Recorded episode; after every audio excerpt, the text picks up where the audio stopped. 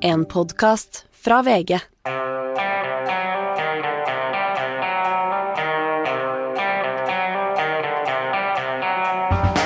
Ikke visste jeg at disse dagene som kom og gikk, var selveste uke 18. Og eh, det har jo vært enda en uke i krigens og dysterhetens tegn. Eh, Med oss i studio eh, her er Hanne og Per Olav. Og med fra Bergen er Tone Sofie. Vi er, vi er jo for så vidt ganske samla som av, avdeling her eh, nå, da. Men, eh, men altså, det er jo, en, eh, det er jo en, et, et svart eh, bakteppe med groteske nazibeskyldninger i uka her fra utenriksminister Lavrov, og nye hint om at eh, Russland da, eh, sitter på verdens største atomvåpenarsenal. Det er litt sånn rasling eh, midt i alt det her mørket. Kan ikke du komme med en god nyhet som varmer oss alle, Hannes Skartveit? Ja, i hvert fall nyhet som da varmer deg og meg. Det har vært en skikkelig EU-debatt i Stortinget, var det det du tenkte på? Ja, det var det jeg tenkte på. Det var akkurat det jeg tenkte på. Så det var, det var nydelig parert. sånn. Vi skal snakke litt om det etter hvert, tror jeg. Eh, vi må jo starte litt eh, dystert da, med, med, med krigen som, som bare dundrer videre. Eh, per Olav, på søndag er det 8. mai, frigjøringsdagen, veterandagen i Norge. Eh, og aldri før har vel den dagen føltes egentlig mer relevant uh, i vår tid. Og Russland feirer sin frigjøringsdag på mandag. Hva tror du kommer fra Putin på den dagen? Ja, Denne 9. mai er jo eh, en eh, høytidsdag i Russland, og det var det også i, eh, i Sovjetunionens tid. Eh, Ofte da, eller som regel med store militærparader eh, og taler fra lederne da om, eh, om eh, Sovjetunionen og Russlands store offer i, i, i kampen mot nazismen, som jo faktisk Det var jo det landet som mistet flest i den, i den, i den krigen. Og um, det er jo da ble jo brukt som nasjonsbygging eh, i sovjetisk tid, og det har blitt tiltalt, vil jeg si, eh, tiltatt i, under Putin. Eh, Dagen er en høytidsdag, det kommer til å bli markert også i år. Eh, eh, Og, eh, men det blir snakk om at det blir noe færre eh, noe mindre militært nærvær på Den røde plass, altså, øh, og det har vel noe å gjøre med at de rett og slett er opptatt et annet sted. Um, men øh, vi er jo veldig stor spenning knyttet til hva Putin vil si på denne dagen. For det er jo spørsmålet, Kommer det noen store erklæringer? Vil han vil han erklære noe seier, eller, eller vil han bare Det er også spekulert om det kommer en mobilisering, en generell krigsmobilisering. Eh, Vi vet jo ikke, så vi må jo bare spekulere. Men hva, hva tror du? Ja, det er jo kun Putin og kanskje en liten krets rundt ham som vet hvordan han vil ordlegge seg og hva han vil kunngjøre den dagen. Eh, har, ryktene har jo gått på alt fra at han vil på en måte si at nå er eh, målet med denne såkalte spesialoperasjonen oppnådd, og nå kan, nå kan vi si oss fornøyd med det som vi har gjort, eh, til at eh, han vil erklære full mobilisering, eh, mobilisere reservestyrker. Og kanskje gå bort fra å kalle dette for en spesiell, spesiell militæroperasjon, og rett og slett kalle det det det jo faktisk er, en krig. Komme med en krigserklæring. Og det er jo også imøtesett eh, med spenning om man vil rette da disse anklagene mot, eller nye trusler mot Vesten, og komme med disse nye nazismebeskyldningene som man jo har strødd om seg med i de siste dagene og ukene.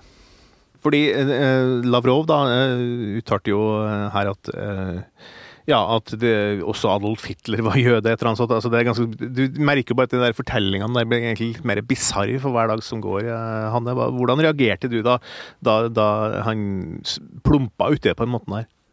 Ja, om han plumpa er ikke godt å si. Det var antagelig ganske velberegna og planlagt, vil jeg tro. Nei, jeg syns det er veldig ubehagelig på så mange plan. Eh, han snakker også om at liksom, antisemittismen er også hos jødene selv, og lager noen sånne bilder som er er Ja, gru- grusomt.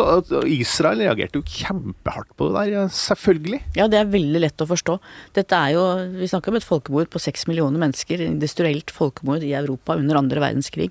Og de ofrene som det jødiske folk har lidd den gangen. Og så bruker han altså det i en begrunnelse for å på en måte begrunne at eh, ukrainerne er nazier, i anførselstegn. Eh, Hvorfor, hvorfor gjør den det? Hvor kommer det der fra egentlig at denne fortellinga om at fienden er nazi? Er det, er det, er det liksom den fortellinga fra, eh, fra andre verdenskrig, altså den store frigjøringskrigen som de kaller det, at fienden er nazismen? nærmest uansett, uansett hva slags type ideologi som råder hos fienden. Ja, sånn som det brukes nå, så er det jo det. Men det er jo lett å se på det som en del av dette nasjonalistiske eh, strategien til, eh, til Putin. Altså at, eh, og at og at Russland har spilt en slags offerrolle. At, de at, deres interesser er blitt ofret. At Nato har utvidet seg østover. Eh, tatt fra de på en måte kontroll og innflytelse eh, i, i, øst. Eh, og at de har og påstanden om at vestlige land har brutt sine løfter osv. Alt dette som Eh, vi er vant til å høre fra den kanten. Eh, og så har det da bygget seg opp en fortelling om at de er truet. Eh, de måtte gripe inn i Ukraina fordi de var truet, og de var truet av mm, et regime som da var nazistisk, eller som var påvirket, eller som inkluderte nazister, eller Og alt, alt dette Og vi har hørt Det ble også begrunnet med påst, dette påståtte folkemordet som Mm. i Øst-Ukraina. Øst og, og, forfølgelsen av russisktalende, da, som jo også heller ikke eh, holder. Men eh, dog, det er den historien som fortelles. Men, men altså den forestillinga om fienden som, som uh, fascistiske nazister, det er jo ikke noe nytt. Det er jo for så vidt, det, Vi vet jo Berlinmuren ble jo kalt den antifascistiske beskyttelsesmuren. ikke sant?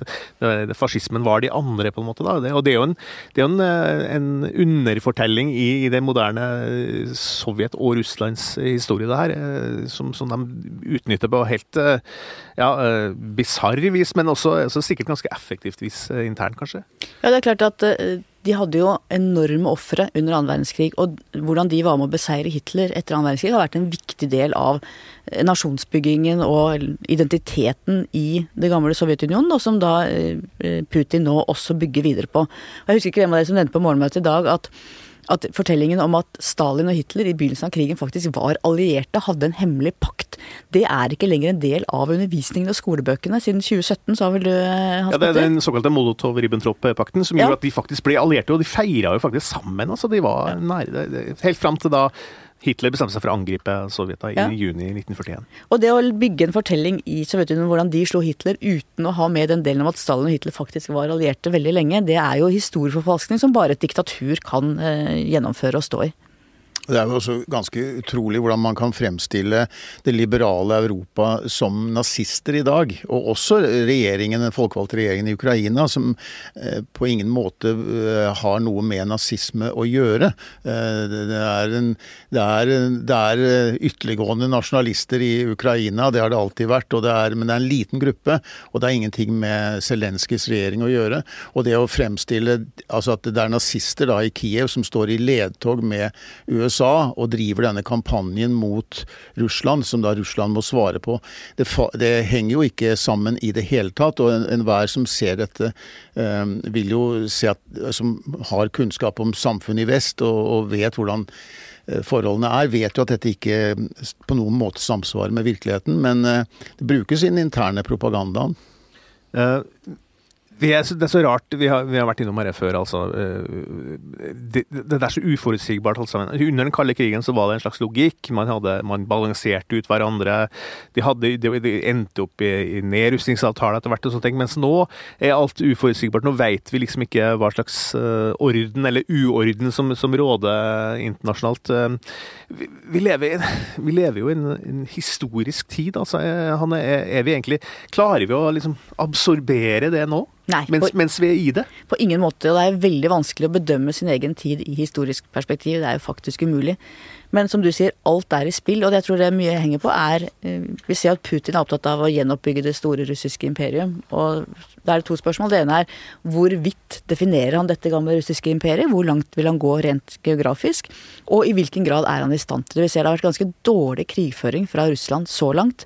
Og vi må jo håpe at det demper hans ambisjoner. Eh, men de to faktorene er de store ukjente. Og selvfølgelig i hvilken grad han er villig til å bruke masseødeleggelsesvåpen dersom han virkelig føler seg pressa inn i et hjørne. Det er jo det som gjør at vi er så redde alle sammen nå. I går så hadde vi jo en eh, historiker her i studio som, som snakka om at uh, Ukraina-krigen uh, også er på en måte altså det er, det vår krig, også kalt den det.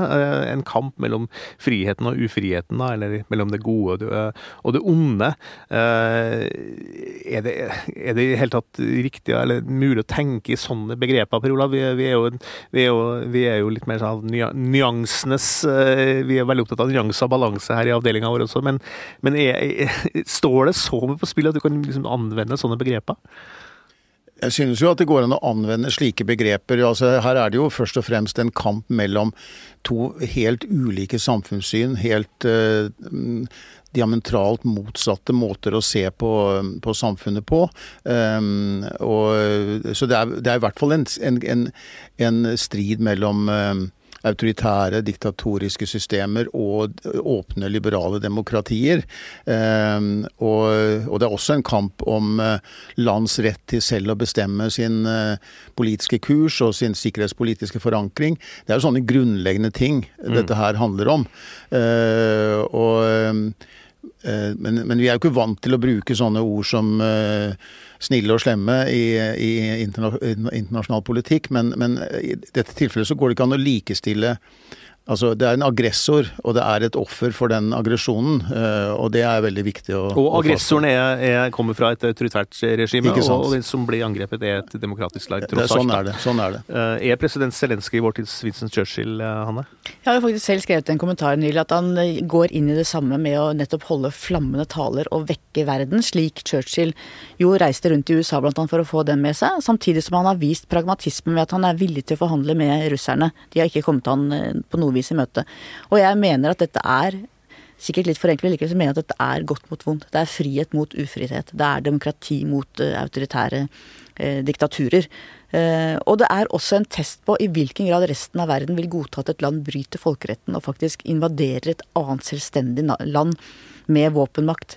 så det er virkelig Det er en eksistensiell verdikamp, dette. Nå, nå, står jo Sverige og Finland på terskelen til å bli med i Nato. Eh, helt sikkert er jo ikke. Så det var litt økning, litt mer skepsis i Sverige nå enn det var sist uke, eh, i, en meningsmåling. Eh, vil, altså vil ikke en, en sånn inn, at, at, de da trekkes inn i, i Nato-sfæren, bare tirre Putin-regimet enda mer og gjør verden enda mer uoversiktlig? Det er klart det er eh, en gamble som sikkert noen tenker på, men jeg mener at det kan man ikke ta hensyn til nå. Dette er Sverige og Finlands mulighet til å få den sikkerheten og tryggheten man får i Nato. Det er Putin som har utfordret dette. Det er Putin som, vært, eh, som er aggressoren her. Og at de ønsker nå, og har en historisk mulighet til å gå inn. Det er klart, For Finland er dette mest maktpåliggende. De har en lang grense mot Russland og har vært tvunget inn i sånne vennskapsavtaler. Finlandisering, som det kaller det. Ja, ikke sant. Som de er veldig lite glad i å bruke av begrepet sjøl. Eh, sånn at det, dette er deres mulighet. Og det vil styrke samlet sett sikkerheten også til Norge, til hele Norden, hvis nå alle landene i Norden er med i Nato. Enig i det, Per Ola? Ja, det tror jeg eh, vi må kunne si. Og dette er eh, Men det er jo et paradoks oppi dette her at uh, vi gikk jo inn i denne situasjonen hvor Putin stilte en del krav til vestlige land, til Nato og USA. Ikke flere medlemsland i Nato, ingen videre utvidelser østover. Trekk tilbake styrker, Nato-styrker fra medlemslandene i øst. Og så starter han en krig som jo selvfølgelig forårsaker det stikk motsatte.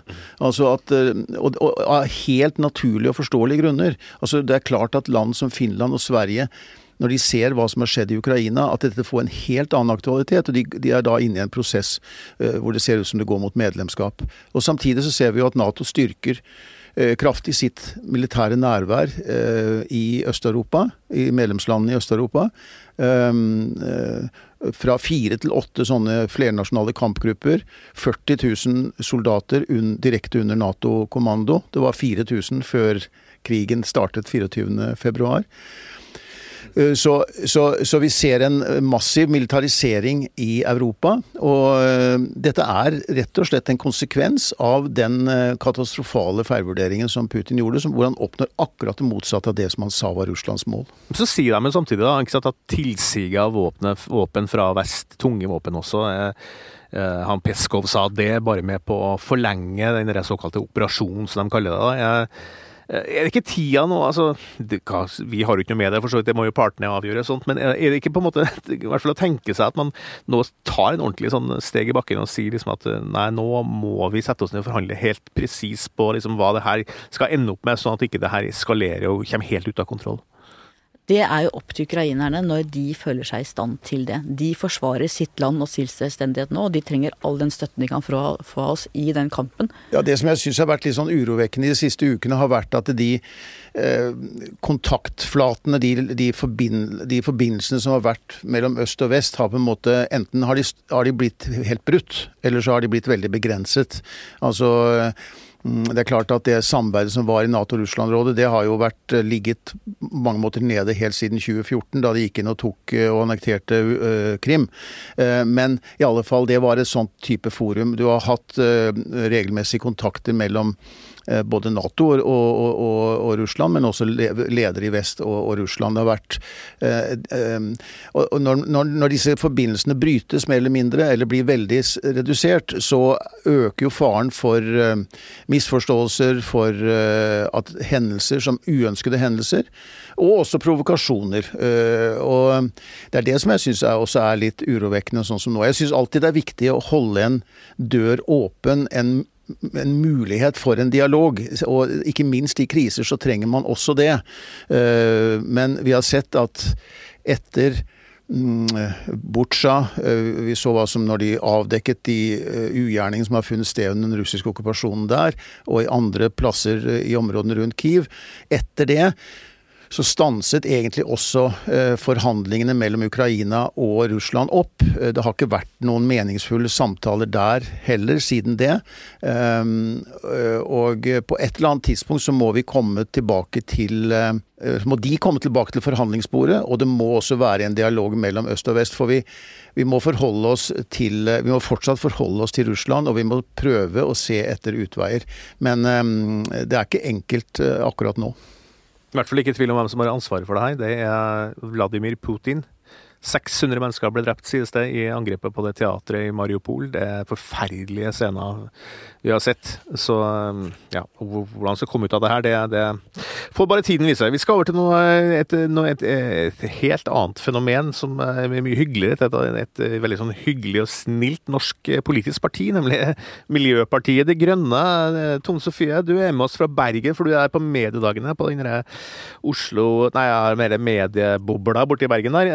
Eh, men eh, du følger jo landsmøtet til Miljøpartiet De Grønne som begynner i dag, da. Eh, hva slags forrige, altså Landsmøtet til Frp forrige helg var jo dørgende kjedelig, sånn som jeg så det fra utsiden i hvert fall. Er det noe mer futt i Miljøpartiet? Det er vel om mulig enda kjedeligere om du kan bruke et sånt ord. Det er jo litt urettferdig, for jeg tror de landsmøtene vi har hatt nå i vår, jeg tror det handler vel så mye om det indremedisinske for et parti å komme sammen etter å ha vært eh, på skjerm i, i to år. og Det er liksom, tror jeg noen, noen, ting vi ofte undervurderer, hvor viktig landsmøtene er for å liksom sy, sy sammen en, en, politisk kultur. Eh, og ikke minst er det viktig for Miljøpartiet, som er et så ungt parti. Så det er, det er et veldig utflytende landsmøte, om du kan kalle det det. Eh, Frp sitt var jo veldig kort og konsist. Her holder de på over nesten tre dager. Og i motsetning til andre partier som eh, gjerne avslutter i rett tid og har litt tid til både middag og barn, så er eh, Sist jeg var på et landsmøte i Miljøpartiet, i hvert fall så satt de liksom klokka elleve om kvelden og diskuterte vedtektsendringer. Så det er, ikke, det er ikke de landsmøtene med høyest partyfaktor, for å si det forsiktig. Men sånn liker jo du sånn politisk nerd som deg, Tone, å sitte og høre på sånne vedtektsdebatter på kvelden? Ja, vedtektsdebatter klokka elleve om kvelden en fredagskveld. Der går uh, grensa sjøl for meg. Men, uh, men, men, det er jo likevel noen interessante ting på landsmøtet. Det, jo, det vil jo glede et par av dere. Kjenner jeg dere rett, så er det jo EU-debatt. Ja, vi skal komme litt tilbake til det, men bare før den vi kommer dit, eh, er jo at uh, de, de, har jo vært, de er ganske strenge med seg sjøl, disse miljøpartistene. De har, en sånn ganske, har hatt en ganske hard interngransking av hvorfor det gikk så dårlig i valget sist. Vil det prege landsmøtet også? Ja, Det er jeg litt sånn eh, spent på. Um, jeg tror vel kanskje ikke det, men de hadde en usedvanlig åpenhjertig rapport eh, om hvorfor valgkampen gikk såpass dårlig for det, men at det ikke kom over Eh, sperregrensa. Det var egentlig veldig befriende å lese hvor sjølkritisk et parti faktisk tør å være. Eh, og det har du egentlig all grunn til å diskutere litt òg, for det var jo et valg som valgundersøkelsen nå viser at var et klimavalg. Det var i særstilling den aller viktigste saken for eh, velgerne. Vi har liksom ikke sett maken. Likevel så klarte de ikke den her sperregrensa. og og det er jo, En årsak til det er jo det at de blir oppfatta som et ensaksparti, og at andre partier har fått en bedre miljøpolitikk. Men eh, vel så viktig er nok det at de blir oppfatta som eh, litt for, eh, litt for angstbiterske og sinte og brukte liksom mye krefter på sånn oljeultimatum, og det ble veldig mye sånn kjøtt og diesel, og, som også ble ganske fremmedgjørende for en del. Og, og, og der opplever jeg nok at det er litt sånn fortsatt et, litt sånn ulike meninger i partiet hvor spisse de skal være i disse debattene, eller om man skal på en måte prøve å breie seg ut og, og bli litt mer sånn eh, ja, spiselige, da.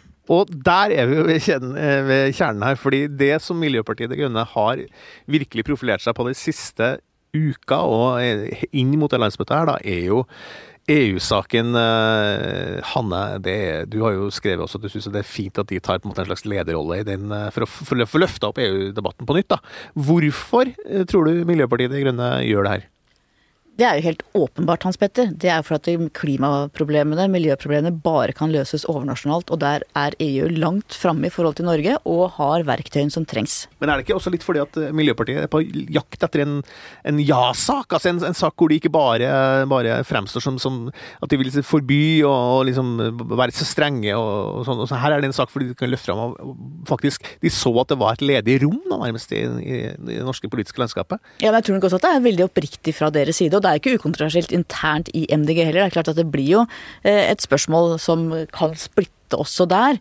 Men det jeg syns er så gledelig med det, er at det kan gi en ny dynamikk i hele EU-debatten. For at nå ser vi i motsetning til i 94, hvor miljøbevegelsen var veldig mot, og Frp f.eks. var veldig for. Nå ser det ut til at Frp er veldig mot, og når MDG, som er liksom det fremste miljøpartiet, blir veldig for, så er det en helt annen dynamikk som jeg tror kan også vinne unge folk som ikke har stemt, eh, som ikke har fått stemme.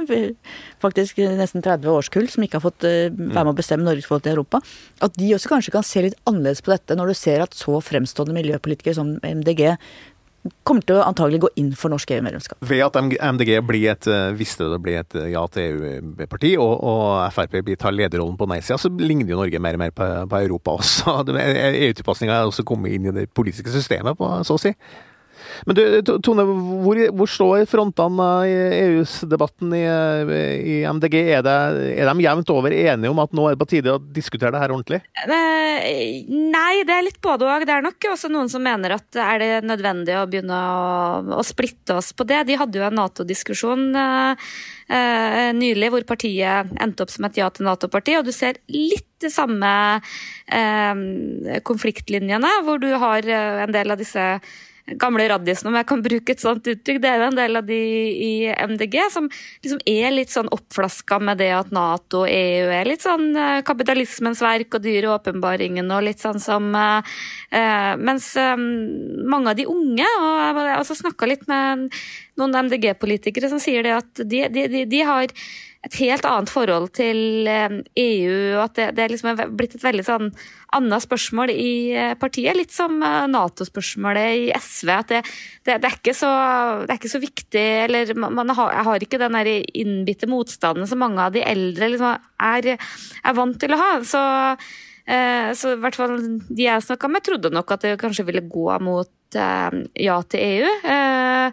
Eh, og, og, da tror jeg det interessante med det er at vi får, som dere snakka om, et sånn politisk landskap som ligner mer på det som vi har i Europa. Man er jo også selvfølgelig veldig influert av sine søsterpartier i Tyskland f.eks., som er jo et veldig sånn europavennlig parti. Men så er det en annen sak som også følger litt i samme konfliktlinje. Det, det er jo kjernekraft. Som eh, også er en stor sak på MDGs landsmøte, på samme måte som i Frp og Høyre. Og der er det nok en del som er litt sånn hoderystende det til at MDG faktisk eh, sannsynligvis går inn for det. Det får de i hvert fall ikke mye støtte for i søsterpartiet i Tyskland, for der er det massiv motstand mot eh, den slags. Ja, så det viser jo litt uh, hvordan det går litt sånn på kryss og tvers. og Det er også noe som vi lurer på hvorfor bruker vi så mye krefter på å diskutere det i Norge når det høyst sannsynlig er lite realistisk. Men det følger også litt de, de, samme konfliktlinjene. Så er det også litt sånn plass for litt sånn Det er jo alltid litt nestlederstrid i Miljøpartiet. Det er, det er nesten alltid flere kandidater til vervene, og det er ikke så vanlig i norsk politikk. Så det er en litt sånn åpen tradisjon de har. Og kanskje liksom det ufarliggjør litt det å stille som kandidat til politiske verv. For det er ikke noe uttrykk for fløykamp, eller mer sånn at folk faktisk har lyst? Nei, det opplever jeg ikke. Ja. Eh, eh, mitt inntrykk er at det er mer sånn eh, Hvis politikere har ambisjoner, at det, at det å på en måte si at jeg har lyst til å bli nestleder, selv om du eh, mest sannsynlig ikke blir det, det, det er det mye mer åpning for i Miljøpartiet. Det kan du kanskje ha litt med historien, de har jo hatt flere sånn talspersoner og sånn, men jeg syns det er litt sånn interessant og sunt trekk som kanskje andre partier kanskje med fordel kunne hatt litt mer åpenhet på at det, det er faktisk ikke noe nederlag å stille seg til disposisjon og tape en votering. At det er ikke så skummelt og, og nødvendigvis uttrykk for masse fløykamper eller noe sånne ting. Det at uh, Miljøpartiet, Miljøpartiet De Grønne er, er så nå altså, hyppig snakker om EU hele tida, og det er jo ikke bare unge også, Rasmus Hansson som er en av de veteranene der, som er virkelig på den, eh, på den bagen nå. Eh, han bidrar det til det, altså, det, har, det har jo revitalisert EU-debatten. Du, du fulgte jo debatten i Stortinget i går. Uh, og, og, da husker jeg du, da sa du også wow, en ordentlig EU-debatt i Stortinget. Det er liksom sånn, du, nesten nostalgisk tilbake på 90-tallet. Uh, eh, er, er, det en ny omdreining i EU-debatten i Norge? Ja, jeg tror det handler mye faktisk om krigen i Ukraina, som gjør at alt er kastet om på nytt. Men så er det jo også det er 28 år siden forrige gang vi hadde en EU-debatt, så jeg tror det er en blanding av mye forskjellig. Uh, og det, hele striden om dette Hurdalsplattformen hvor de skulle lage en europautredning som skulle handle bare om EØS siste ti årene, og se på alternativer som var løsrevet, løsere fra EU. Altså sveitsiske løsningen og brexit, som begge Det er helt natta. Eh, og skulle på en måte gå den veien, utrede er, hvordan det vil være lenger unna, men ikke utrede hva det vil innebære med et eventuelt norsk EU-medlemskap. Og denne mandatet er jo da kommer i dag. Eh, men eh, har brukt veldig lang tid. Skulle egentlig kommet rett etter jul. Og jeg tror det har vært en intens dragkamp mellom Arbeiderpartiet og Senterpartiet i regjeringen. Hva mandatet skulle være, hvem som skulle lede dette utvalgsarbeidet. Eh, om det skulle handle om EU eller ikke, det står jo i Hurdalsplattformen at det ikke skal. Men den kom jo lenge før 24.2. Sånn at hvis ikke regjeringa også på en måte ser at verden er annerledes nå, så har den enda større problemer med den interne spliden om EU enn det den hadde før 24.2. Per Olav? Jeg bare tenker Vi snakket tidligere her om Sverige og Finland, som nå er antagelig på vei inn i Nato. Det som mangler liksom i dette, i dette puslespillet, er jo at Norge går inn og blir med i EU. Eh, og jeg tenker at det som har skjedd i Ukraina, og vi har sett hvordan EU har reagert og respondert på det, og klart å stå ja, beundringsverdig samlet og, og, og, veldig kraftfullt, egentlig. Eh, og handlet eh, i den Og også slik de for så vidt gjorde under pandemien. Eh, der har vi sett hvordan EU Det handler ikke bare om handel eller økonomi, men det handler om veldig mye mer. Og vi ser at det sikkerhetspolitiske samarbeidet også blir viktigere nå i EU framover. Europa tar et større ansvar for både politisk og, og sikkerhetspolitisk. Og i det bildet der så hører selvsagt Norge med. Og så er det et uh, viktig Jeg er virkelig veldig veldig for at både Finland og Sverige skal bli med i Nato. Men det er klart, en ting som kan gjøre det litt vanskelig for Norge i den sammenheng, er jo at de har vært medlem i EU, begge de to, men ikke i Nato. Vi har vært medlem i Nato, ikke i EU. Og det er jo internasjonal politikk også sånn at du utveksler litt informasjon, du bistår hverandre litt. Svenskene hjalp oss med vaksiner, f.eks., sånn at ikke vi havna bakerst i den køen. Og det kan godt hende at de hadde gjort det uansett i rent sånt naboskapsforhold, men det er klart at vi har kunnet bidra med ting inn til dem som Nato-medlem som de ikke har vært medlem i, og vi, de har kunnet bidra med ting inn til oss som EU-medlemmer. Når de nå plutselig da kanskje blir medlem i begge deler, så mister vi den fordelen, på en måte. Eh, som jo kan utgjøre etter hvert et lite problem for oss. Men enda et argument Hans Petter, for at vi bør gå inn i EU, vi også. Det er bare å samle på dem. Det er så mange at Ja, jeg vet ikke. Det, men du, eh, Tone Sofie, en ting til. Eh, fra Bergen, eller fra for så vidt også i, i, norsk politikk, da, så har jo Eh, Trygve Slagsvold Vedum har jo hatt en forferdelig vanskelig eh, tid, eh, og Senterpartiet ramla på målingene eh, på en helt historisk måte. I går så kom jordbruksstatens tilbud i jordbruksforhandlingene. Sånn som du så, ser det fra der du sitter, er det her en seier for Vedum? Er det nå endelig Senterpartiet skal få gjennomslag for sin plass i regjeringa? Tja, jeg kan jo si såpass da, at der jeg satt når, jeg, når nyheten kom, så gikk det et sukk gjennom salen. Det er full av norske journalister, og det var dessverre ikke pga. Uh, jordbruksoppgjøret, men det var intervju med Borgenskaper-skaperen eh, den prise, som ble intervjua av Hege Ulstein i Dagsavisen, og hun spurte om hva skjer i sesong fem. det svarte han ikke på, da. Men da, akkurat da når det kom, så kom også statens tilbud. Jeg må innrømme at jeg ble Eh, veldig overraska over at det var eh, så høyt. Eh, alle de jeg snakka med etterpå, var bare oi, oi, oi, hva skjer nå? Liksom, nå må jo være Senterpartiets store drøm går i oppfyllelse. Hvordan kan Arbeiderpartiet leve med det her? Men vi ser jo nå at reaksjonene fra Bondelaget er nesten som venta. De mener jo at dette her er langt fra bra nok. At man møter de for lite på særlig det å tette inntektsgapet til andre grupper, og er også litt sånn uenige om beregningene og mener at det ikke er så bra som, eh, som det kan se ut på på papiret, men det er jo historisk høyt. Og jeg, jeg lurer veldig på hvor bekvem arbeid, særlig Arbeiderpartiet kan være med at uh, man gir uh, så mye til norske bønder en tid hvor uh, alle andre grupper sannsynligvis får får mindre å rutte med. Vi snakka om det på poden i går, Hanne. Da var vi litt sånn Ja, det hørtes 10,15 milliarder høres helt enormt ut, men det er jo et, et ganske sånn komplekst bilde det her, da.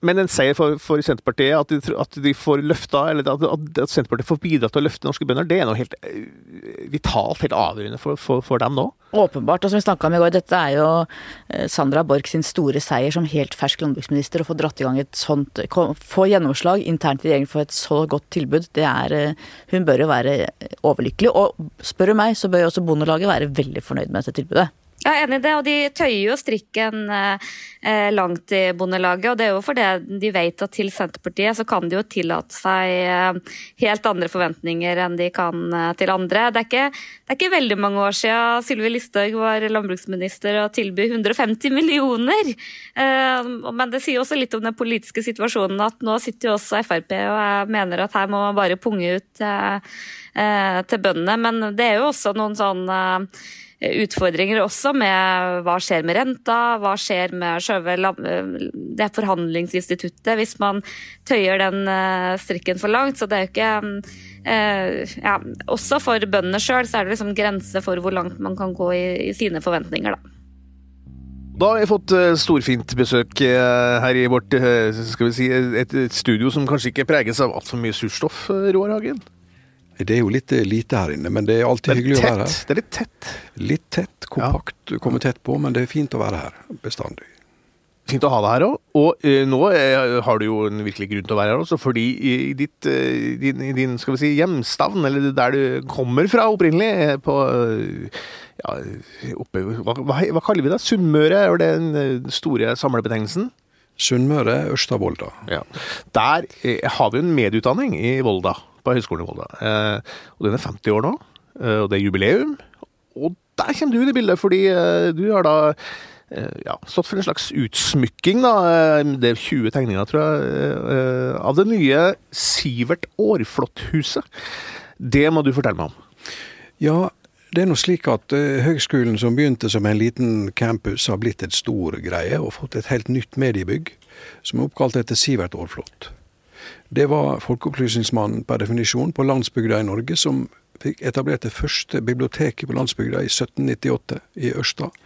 Og som fikk utgitt også Norsk Landboeblad og eget boktrykkeri i, 19, i 1808. Så man måtte ha tillatelse for å starte. Da snakker vi ganske tidlig. altså En, en foregangsmann, en, en, en, eh, en opplysningsmann? En opplysningsmann. Han tok eh, opplysningstiden til eh, Vestlandet og til Norge ellers. Og eh, det var takket være han at Ivar Aasen kunne gå tre kilometer og lære seg gresk, latin, fransk, tysk og engelsk. Og du kan jo si at eh, Aarflot havna litt i skyggen av eh, f.eks. Ivar Aasen? Det gjorde han, men trykkeriet er fortsatt aktivt. Familien eksisterer. Og har mange arvinger som, som har, som har båret altså Aarflot-navnet videre. Mm. Men, men det, å, det, å, få henge der blant studentene i Sivert Aarflot-huset er veldig viktig for meg. fordi For det første så vil det da eh, påminne om eh, karikaturens plass i folkeopplysningen, i det frie ordskiftet, ytringsfridom og alt dette her, som ble kjempa fram i, i 1814, i Aarflots levetid. Og, og Eh, det er stas selvfølgelig lokalt å få henge der, eh, men først og fremst som en, som en eh, signatur i kjernen av det vi driver med i pressen. Du er jo en karikaturens det, forkjemper. En som står på barrikadene for at den skal fortsette å, å leve inn i den digitale tid. Da. Karikaturens plass, nevnte du. Er det fortsatt plass for karikaturen? Det håper jeg det, fordi den har jo overlevd eh, alt, egentlig. Den har bare skifta eh, eh, skifta stadion, om du vil. Den har altså skifta territorium fra litografi til vittighetsblad til pressen. Hvis pressen er smart, så beholder karikaturen som en del av sin portefølje. Redaktørens instrumentpanel, for å si det sånn. Og den kan mutere over i andre former som vi ennå ikke forstår mm. hva er. Og, og, så dette er en del av, eh, av vår demokratiske eh, DNA. Hvorfor er det lettere, eh, Roar, å drive gjøn med, eller, eller eh, hva skal vi si, provosere makta egentlig med en tegning enn med, med skrift? Det er fordi det er nesten umulig å ta igjen. Sant? Fordi For du får, ikke, du får ikke en tegning i retur? Nei, det blir som Nei, det er riktig. Så du kan si å gå i rette med en tegning, det blir som å måle meter med kilo. vet Du, du, du, kan, du vil alltid ha the upper hand uh, hvis du skal inngå en disputt, da.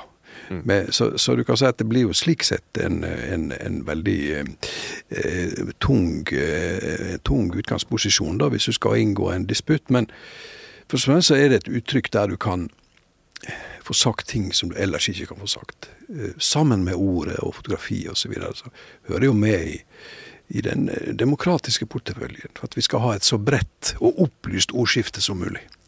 Det at du driver uh, utsmykker, eller at dine tegninger vil pryde da, det, det nye bygget der, er det et uttrykk for at Roar Hagen er i ferd med å bli en institusjon på lik linje med Høgskolen i Volda? Nei, det, det, har jeg ikke tenkt over, men jeg syns selvfølgelig det er stas å få lov å leve utover døgnet. Og, og jeg syns det er spesielt stas å, å, få henge der, da, som er i kjernen av det vi, av det vi driver med.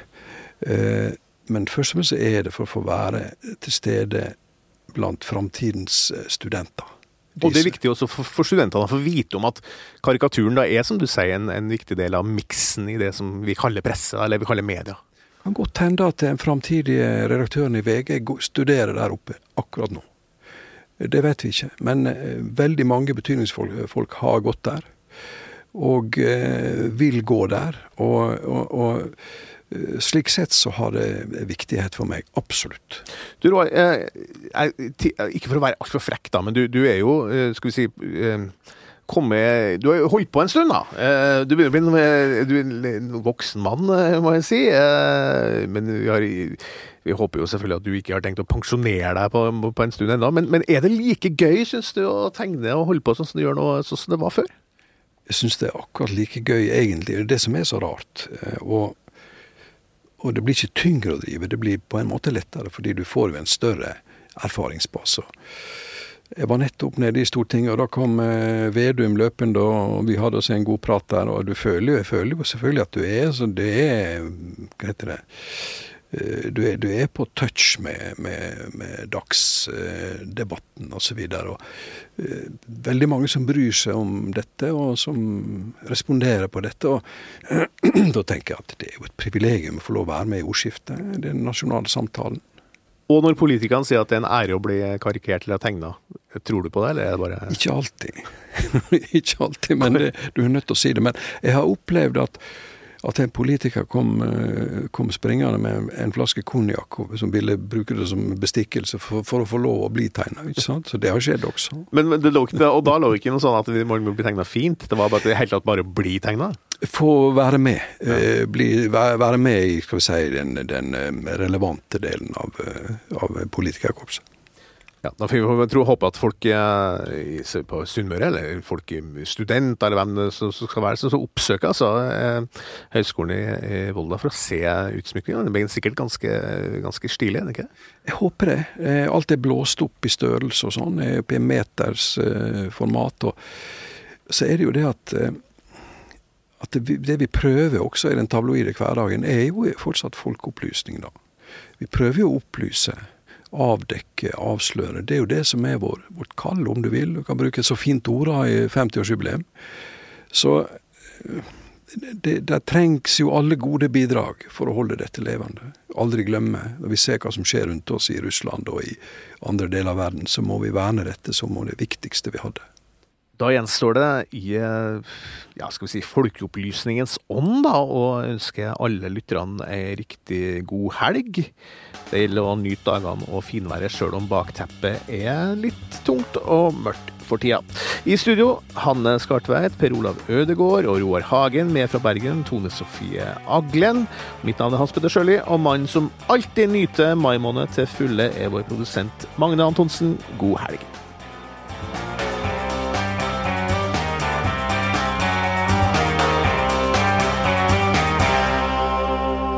Du har hørt en podkast fra VG.